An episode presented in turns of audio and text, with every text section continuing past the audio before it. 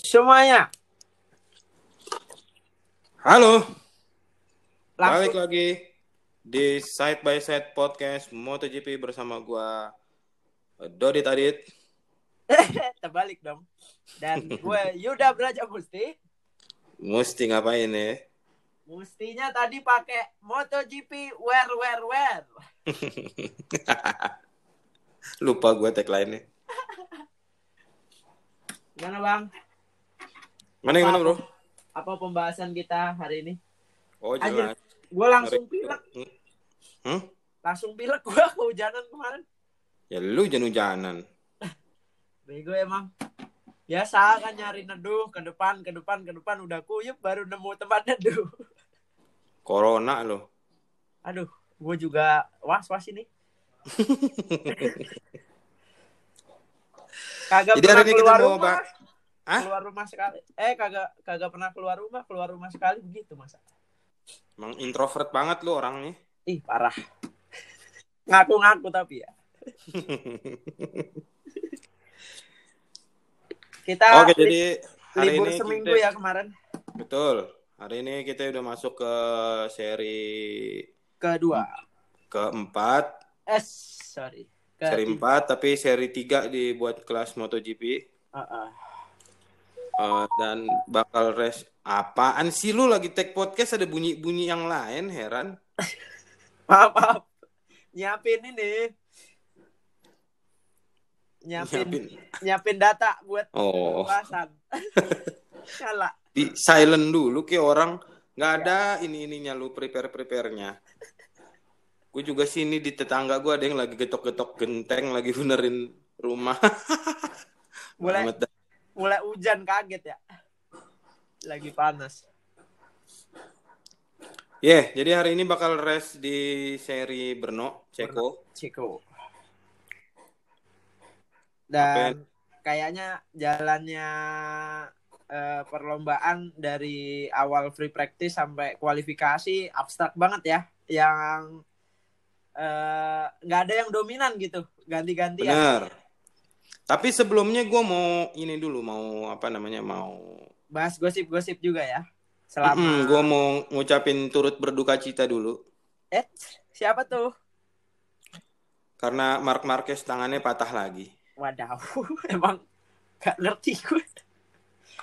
Seperti apa yang lu khawatirin sih sebenarnya? Emang kayak kan kita sempet yang di episode sebelumnya kayak lama buat ngebahas nih kok nih orang ngapa sih? Kenapa nggak istirahat aja? Akhirnya pisan. Iya, tapi lu baca nggak sih beritanya? Bengkak. Kenapa tangannya dia patah lagi? Apa yang dia push up bukan sih? Bukan ada. Lu baca berita dong, setan.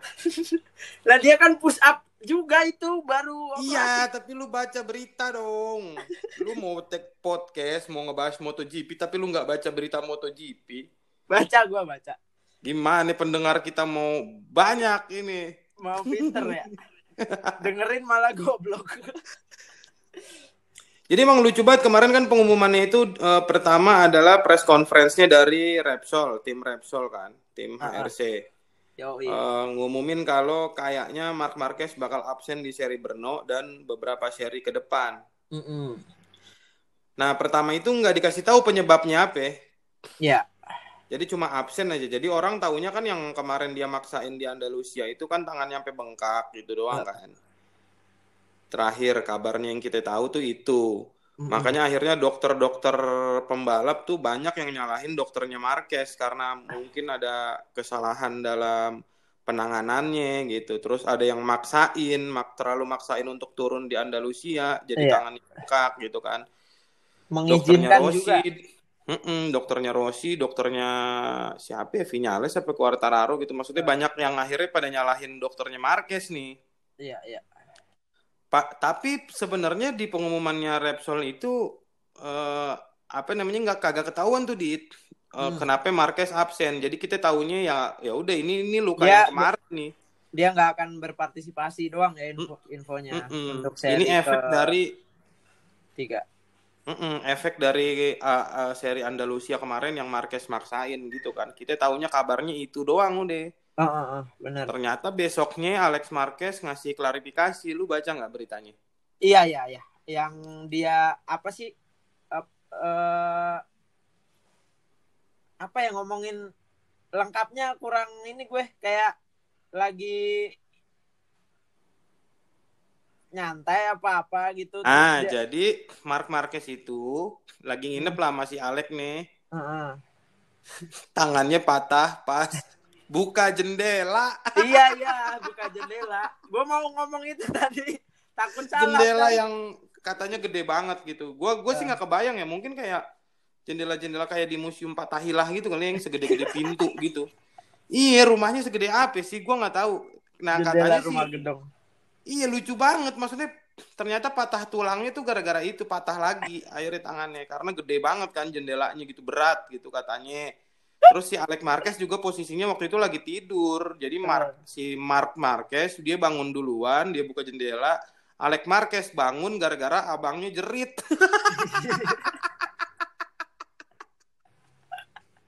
Ya Allah. Udah dibilang alien loh. Emang alien kayaknya dia nggak ngerti gitu kebiasaan manusia buka jendela tuh gimana nggak ngerti dia kayaknya.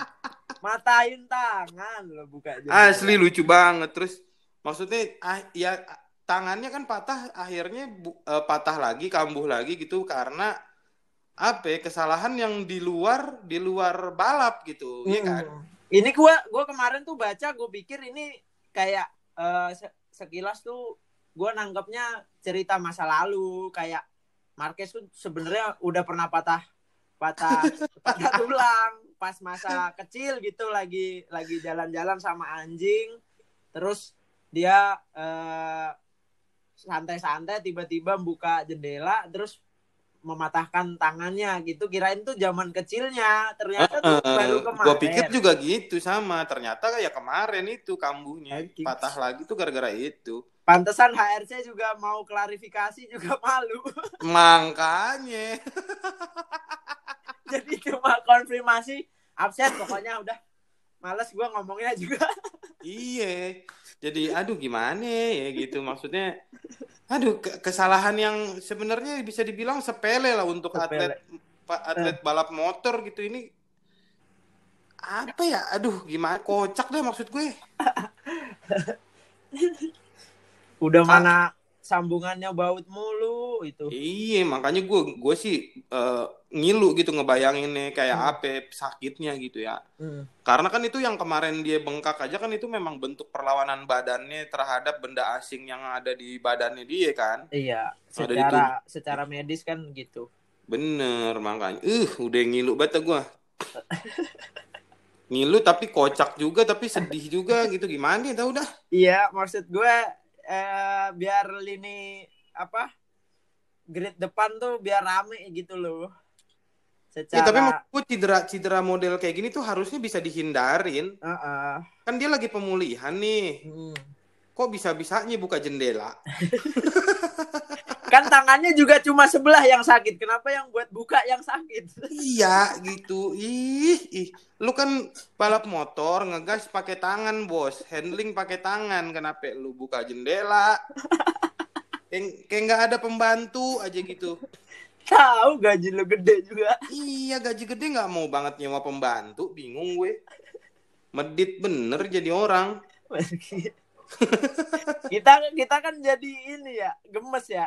Iya, Gimana- maksud gue- gimana nggak nyinyir coba.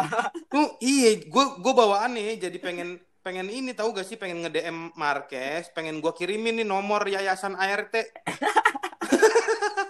nih nih lu telepon nih pembantu buat bukain kaca, buat bukain jendela. Eh, lah. Khusus khusus ya selama patah doang dah nggak apa-apa. Iya, di Spanyol nggak ada apa yayasan pembantu, bingung gue. Sampai dia lo yang buka jendela, sampai dia. Mm-mm. Adeknya juga ada sebenarnya kenapa nggak minta tolong gitu loh. Makanya lucu bener gitu. Nah jadinya, jadinya ini gua agak miris juga sebenarnya Dit. Mirisnya adalah akhirnya kan si Marquez ini digantikan sama Stefan Bradl kan. Yoi. Eh, testernya juga sebenarnya. Heeh. Salah satu apa eh, pembalap tesnya Repsol Honda kan. Repsol Honda. Dan secara championship juga dia kehilangan 75 poin maksimal lah istilahnya. Betul. Marquez pertama tiga race Hmm. ini bolong udah kehilangan 75 poin maksimal nih. Hmm. Dan Stepan Bradel ini juga ya udah lama nggak turun race gitu, nggak turun balapan ya. Secara dia memang pembalap tes doang, cuma tester Hmm. aja ya kan. Iya. Dan Dan- kalau ngelihat hasil dari free practice 1, 2, 3, 4 dan juga kualifikasi, gue cukup miris ngelihat eh, posisi Repsol Honda. Ini kayaknya Posisi 20-21 ya. tahun terburuknya mereka deh. Gila. Posisi 20-21, friend.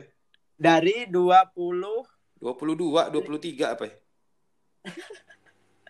tuh Gila mana ini?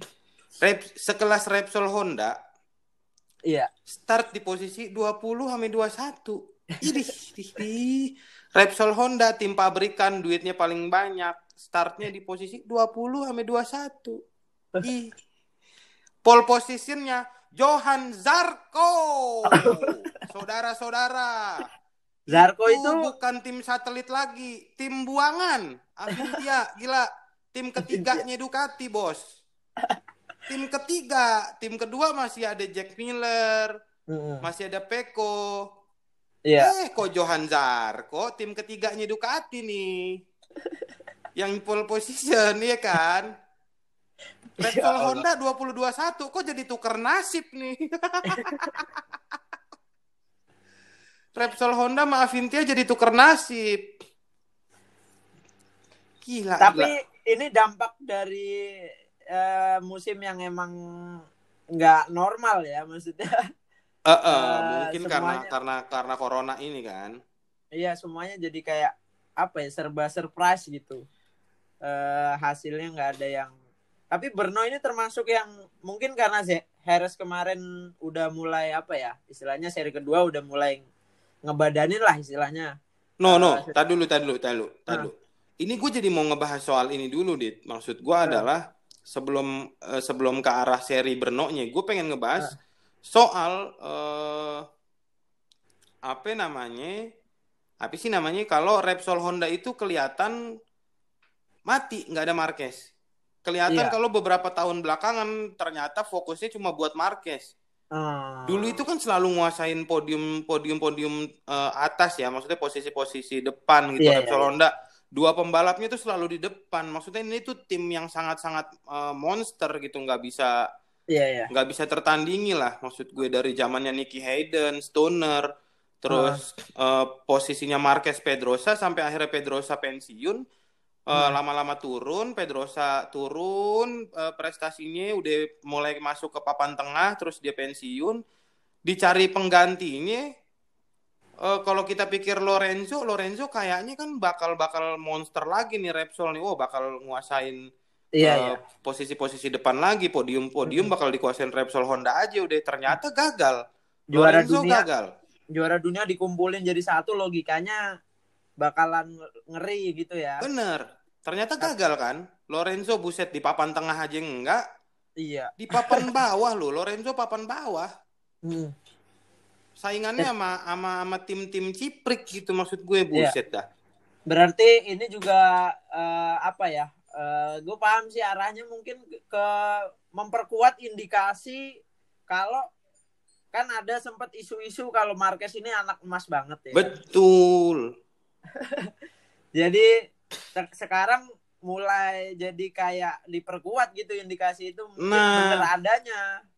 Kalau selama ini emang yang diurusin cuma si, Marquez. si anak emas ini. Bener, Gitu ya. gue jadi jadi percaya gue omongannya Lorenzo nih tadinya nggak begitu percaya percaya amat. Lorenzo kan Oh. ngomong kalau Repsol itu katanya ngurus ini Marquez doang, udah kita mah nggak diperhatiin. Waktu dia pensiun ya statement waktu dia Bener, pensiun kemarin. iya iya. Cuma kan dari situ gue nggak percaya kayak ah lu alasan aja emang lu nya aja yang udah lembek gitu maksud gue. Iya. Ternyata ngelihat ke sini Alex Marquez juga tidak ada kontribusi juga dari tes seri 1, seri 2, seri 3 juga nggak nggak masuk ke papan atas juga gitu maksud gue. Hmm. Ini pasti ada yang salah nih emang sama Repsol Honda. Heeh. Akhirnya kelihatan lah nih di seri ini. Diganti ke Stepan Bradel. Hmm, start dari posisi 20-21. Lu ngapain aja Repsol Honda selama ini? Tapi jadi ada pertanyaan juga bang, maksudnya kenapa uh, pengganti Lorenzo itu Alex Marquez kalau memang ternyata juga ya gini doang, nggak ada nggak sama juga gitu loh, maksudnya. Ya, iya makanya. Maksud Alex gue... Marquez ini buat apa dimasukin gitu loh? Lo kalau lu, ada kalau ada lu analisa ke situ nggak? Ka, makanya maksud gue kalau lu lihat ya, kalau lu lihat uh, uh. gaya balapnya Alex Marquez, iya. di Moto tuh, hmm itu lumayan ini loh lumayan agresif. Maksud gua ini ada potensi untuk dia di papan atas gitu untuk menyelamatkan Repsol Honda dari track recordnya kemarin Lorenzo yang cukup buruk gitu maksud gue. Mm. enggak juga. Berarti mm. nih yang salah. Gua rasa bukan Alex Marqueznya di di tim di tim HRC itu, memang HRC-nya menurut gue yang salah. Apalagi ya ini pas Marquez cedera digantiin Stefan Bradl. Loh eh nih gimana sih maksudnya nih? Kok di posisi 2021 tuh. Anjing hmm. aneh hmm. banget tau sumpah aneh. Menurut gue tuh ih Repsol Honda harus ing hmm, ganti sponsor kayaknya. Nggak tahu deh harus gimana kayaknya emang apa ganti dukun kali deh. Ganti oli samping kali. Iya maksud gue oli Repsol. Ini hal yang sangat tapi sangat ini tidak masuk akal dit buat Tapi gua ya. ini menarik sih Bang, maksudnya arah pembahasan lu ke sini nih kayaknya juga belum banyak yang ngebahas ke situ ya.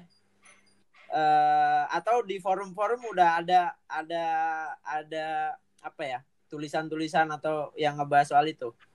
Ini gue baru baru baru dengar dari lu nih dan menurut gue menarik juga sih maksudnya gue baru keinget lagi bahwa uh, kemarin ada isu-isu yang kayak gitu gue baca juga Iya, makanya gue juga gue juga belum lihat tuh uh, statement dari di berita-berita juga. Cuma ini pikiran gue aja. Ke hmm. Semalam ngelihat kualifikasi, ngelihat hasil hmm. kualifikasi, ternyata uh, Alex Marquez, Stefan Bradl ada di posisi segitu, yang menurut gue itu buncit banget, ujung hmm. banget gitu kayak, wah ini Repsol Honda udah nggak ketolong sih kalau kayak gini caranya. Hmm. Kalau cuma ngandelin satu orang pembalap Mark Mark Marquez doang, uh, kayaknya nggak nggak bakal bisa ketolong nih ini tim menurut gua harus ada ada sesuatu yang diubah sama tim ini gitu.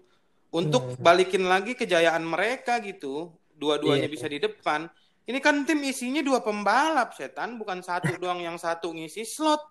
Hmm. kalau begini caranya kan yang satu ngisi slot doang. Iya jadi penggembira doang. Iya.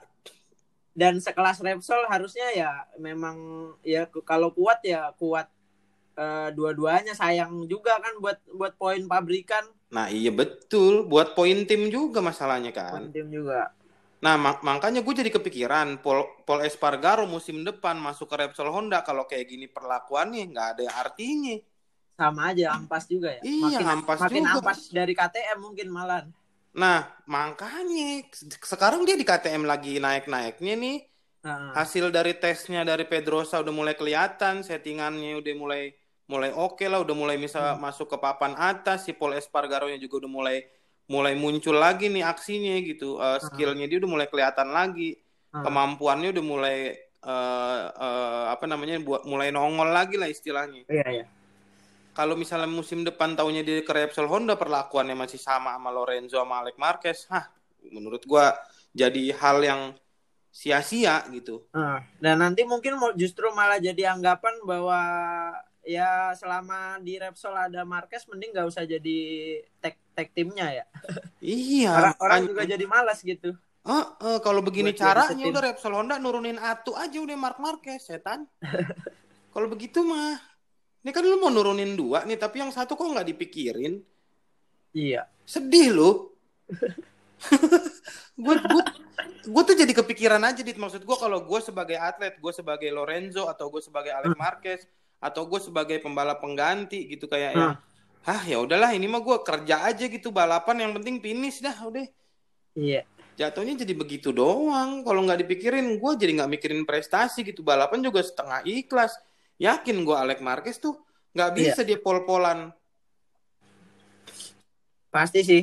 Tapi ini menarik sih bang. Maksudnya analisa lu sedalam ini soal apa namanya eh, kejadian yang menimpa Marquez dampak ke timnya terus uh, ke pembalap-pembalap lain. Hmm. Jadi uh, ini sih jadi kebangetan kalau mereka atau media juga nggak nggak coba uh, ngebahas gitu kayaknya apa apa emang ditutup-tutupi kah atau apa? Nah itu makanya gue nggak tahu apa karena mungkin Repsol Honda tim yang udah sangat besar gitu terus mana nggak ada yang ngebahas nih. Hmm. Harusnya harusnya dibahas ini karena karena ini kayak kayak uh, hal yang harus di dikritisi juga supaya Repsolnya. Betul. Uh, kalau kelasnya podcast kita kan. kayak, iya nggak bakal didengar lah istilahnya. Uh -uh belum belum sampai ke sana jadi ini menurut gue sih ya harus di diangkat sih di di apaan ya gue sampai lu tau nggak gue sampai ada di titik hmm. Sak karena ngelihat Stefan Bradel iya. Stefan Bradel cuma di posisi 21 kualifikasi. Hmm. maksudnya penggantinya Marquez pun nggak bisa berbuat banyak gitu kan. Iya. Kayak gua asing asing juga kali ya. Maksudnya karena emang ya yang ngenalin cuma Marquez doang sama tuh motor. Nah bener. Uh. gue sampai akhirnya komen tau nggak lu? Gue sampai komen sampai DM ke akunnya Repsol Honda gue sampai komen bos kalau emang mau ngisi slot doang tolong naikin aja di Mas Eki gue bukan yang ngeremehin di Mas Ekinya ya maksud gue yeah, yeah ini bukan ngeremehin ngeremehin skillnya di Maseki, tapi gua kalau emang prinsipnya si Repsol pengen ngisi slot, ini ada nih kita pembalap Indonesia nih lu taruh aja gitu. Iya. Kalau cuma mau ngisi slot doang. Daripada dia sepedaan mulu tuh baru sepedaan dia dari Jakarta iya, maksud, ke Semarang. Maksud gue ayo nih nih nih, heh, lu kan penjualan banyak nih di Indonesia kasih nih jatah yeah. nih masuk ke ke MotoGP gitu. Iya. Kalau hmm. emang lu mau ngisi lu prinsipnya si Repsol Honda cuma buat ah yang penting ada ada keisi dah slotnya gitu. Iya. Pasar pasar gede di Indonesia. Iya. Ih, kata gua belagu bener Repsol Honda nih. Stefan Bradel dikasih. Hmm. Pedaan mulu tuh daripada pedaan mulu mending masuk Repsol Honda. Iya, karena AR dia kan balap di ARRC musim ini yeah. kan di Mas Eki. Yeah. Belum rest juga gitu. Ya kasih kayak jatah, sebel juga gue. Iya, gue jadi pengen marah-marah aja, bos. Pembalap Indonesia banyak nih, bos. daripada Stefan Bradel, Stefan ya Bradel start di posisi 21. Kalau start di posisi 21 mah, ih, gue juga bisa, itu bisa gue. Udah saking kesel ya lu ya? Saking keselnya maksudnya. Sebel tau. Jadi ini juga patut ditunggu sih kabar-kabar selanjutnya apakah ini akan diangkat sama media istilahnya siapa nih media yang berani awal untuk kritis ke sana karena ya apa ya maksudnya eh, udah cukup istilahnya apa ya cukup dari apa yang dilihat dari data-data sih udah cukup untuk untuk sedikit eh, menyimpulkan lah ada indikasi ke sana gitu tinggal dikonfirmasi aja Ya makanya kita lihat nih ntar apakah uh, eh, gue nggak tahu lu di Trans 7 ya nonton ya? Iya ya di Trans. Nah, apakah Joni Lono sama Lucy Wiryono bakal ngebahas tuh? Oh iya benar benar tentang gosip kita, ini. Kita lihat juga nanti. Gue juga penasaran nih di gue nonton di Fox si si Matteo bakal ngebahas juga atau enggak nih soal hmm. soal uh, apa namanya permasalahan yang ada di Repsol Honda ini. Itu. Kalau emang sampai nggak kebahas, wah kebangetan sih. Karena gue ngerasa gua ngerasa ini titik terendahnya Repsol Honda nih hari iya, ini. Iya. Harusnya udah mulai kritis media Betul, sama pengamat-pengamat uh, balap gitu. Jangan Bahkan sampai kayak gua ajuin Yuda Braja Musti jadi uh, Musti jadi Musti jadi komentator mesti nemenin lu si Wiryono nih. Enggak, enggak. Gue nggak ada basic wartawan olahraga soalnya. iya. Nggak apa-apa kan jadi masuk jadi tamu doang. Ngerosting-ngerosting. jadi komentator tamu. Trans 7 harus mikirin bisa jadi tuh. ah, lucu bener ngerosting-ngerosting pembalap. Ngerosting-ngerosting pembalap. Ya daripada Yaudah, berdua, gitulah pokoknya. Berdua-dua doang sama Joni Lono. Lucy, Lucy Wiryono.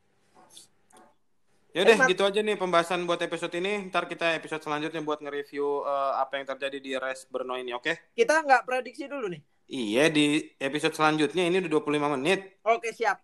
Sip. Mantap. Terima kasih sudah mendengarkan Side by Side Podcast MotoGP War. Sampai ketemu di episode selanjutnya. Mantap.